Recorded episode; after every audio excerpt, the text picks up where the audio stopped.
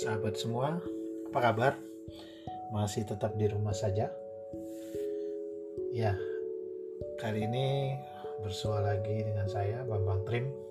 Saya ingin membahas tentang satu episode yaitu bertajuk 11 hari menulis buku non fiksi.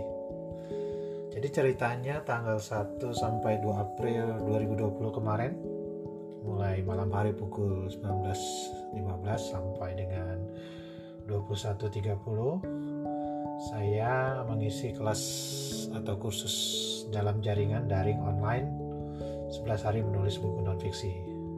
Jadi awalnya mungkin karena di rumah saja saya terpikir satu gagasan bagaimana nih membuat orang dapat menulis dengan mudah menulis buku ya dan buku non fiksi hanya terpikir waktu itu 11 hari 11 hari kemudian saya menggunakan uh, semacam strategi 4321 kalau 4321 kan strategi sepak bola.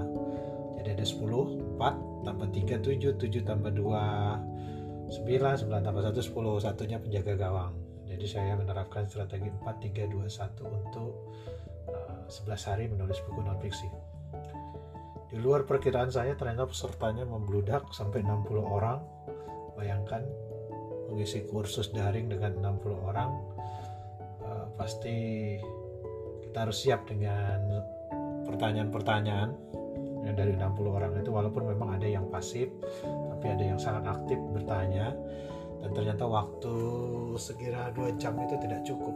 Uh, maka kemudian saya membuat satu hari lagi klinik naskah dan uh, pelatihan ini disampaikan melalui grup WhatsApp. Grup WhatsAppnya sekarang masih aktif karena masih ada yang bertanya dan uh, saya tetap melayani mereka untuk bertanya tentang bagaimana mewujudkan gagasan mereka menjadi buku non fiksi.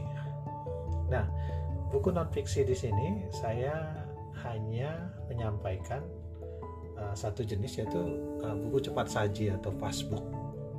Buku cepat saji ini juga banyak macamnya, ada macam-macam, ada buku kiat, ada buku uh, kumpulan esai, ada buku memoir juga bisa yang dibuat dengan ringkas.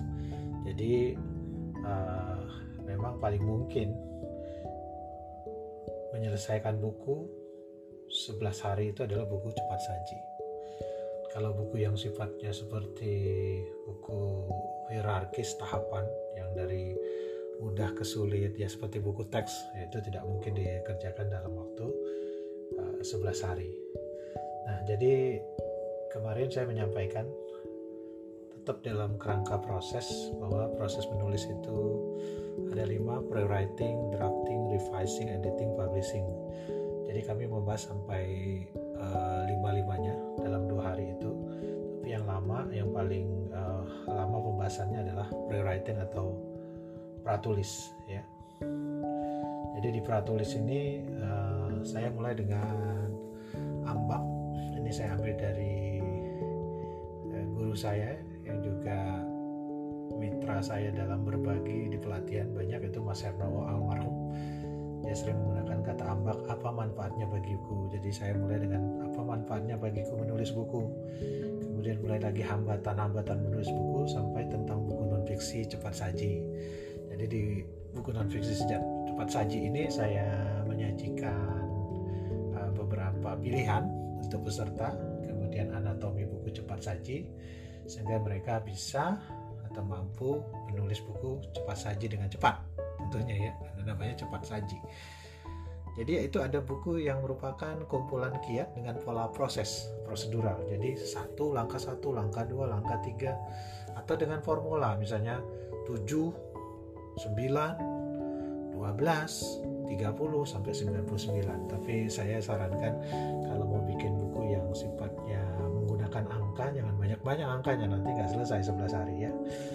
Jadi itu yang yang saya sampaikan. Kemudian yang paling penting adalah mengenali anatomi buku non fiksi dan ini sudah berkali-kali saya sampaikan ada anatomi itu ada bagian awal bagian isi kemudian bagian akhir mana yang wajib, mana yang tidak wajib. Jadi kita fokus ke yang wajib saja. Contohnya di bagian awal yang wajib itu adalah halaman judul, halaman hak cipta, halaman daftar isi, dan halaman prakata. Nah itu uh, disampaikan kepada peserta. kemudian uh, yang paling penting adalah bagaimana menyusun uh, kerangka atau sering disebut outline ragangan. Nah, saya menggunakan pola matriks. Nah, jadi tadi kembali lagi ke buku kiat itu ada polanya proses namanya prosedural. Kemudian ada juga buku yang polanya klaster kelompok. Nah, ini buku kumpulan tulisan, kumpulan tanya jawab dan sebagainya itu dibuat dalam pola yang disebut pola klaster. Nah, di sini uh, peserta itu diajak untuk menyusun kerangka berdasarkan alur berpikir yang benar. Jadi kalau prosedural jelas langkah satu apa, langkah dua apa, langkah tiga apa. Nah kalau klaster dia harus menyusunnya juga dengan alur pikir yang yang jelas. Misalnya kalau itu kumpulan esai, kenapa yang esai A di, diberi eh, dibuat nomor satu, esai B nomor dua dan seterusnya. Atau kenapa esai A itu menjadi penutup? Itu harus ada argumentasinya. Setelah menulis atau menyusun kerangka, kemudian peserta diajak membuat ikhtisar penerbitan, semacam proposal ringkas tentang isi buku mereka.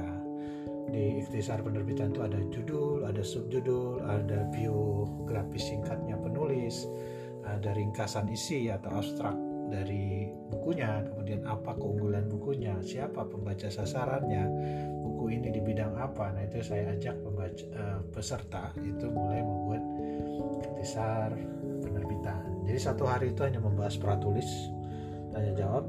Kemudian masuk hari kedua kita sudah mulai uh, bagaimana menulis draft yang ringkas, bagaimana menulis draft yang baik.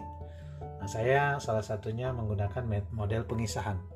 Artinya menggunakan cerita, kisah untuk mengantarkan isi bab. Jadi lang jangan langsung to the point dengan definisi, dengan pengertian, tapi menggunakan model pengisahan sampai kemudian yang terakhir adalah merevisi dan menyunting draft serta menerbitkannya. Jadi cukup singkat memang kursus dari ini, tapi setidaknya memberikan uh, materi atau bekal bagi peserta bagaimana dia menggagas buku, kemudian mengeksekusinya.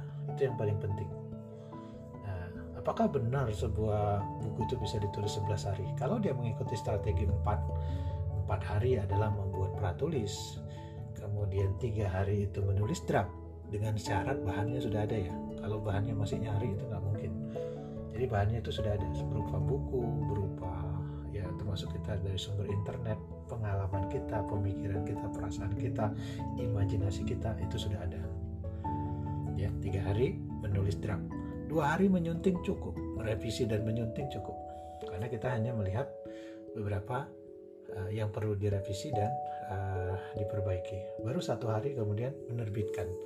Menerbitkan di sini kita dapat menyiapkan pengiriman ke penerbit mengajukan uh, apa naskah kita ke penerbit.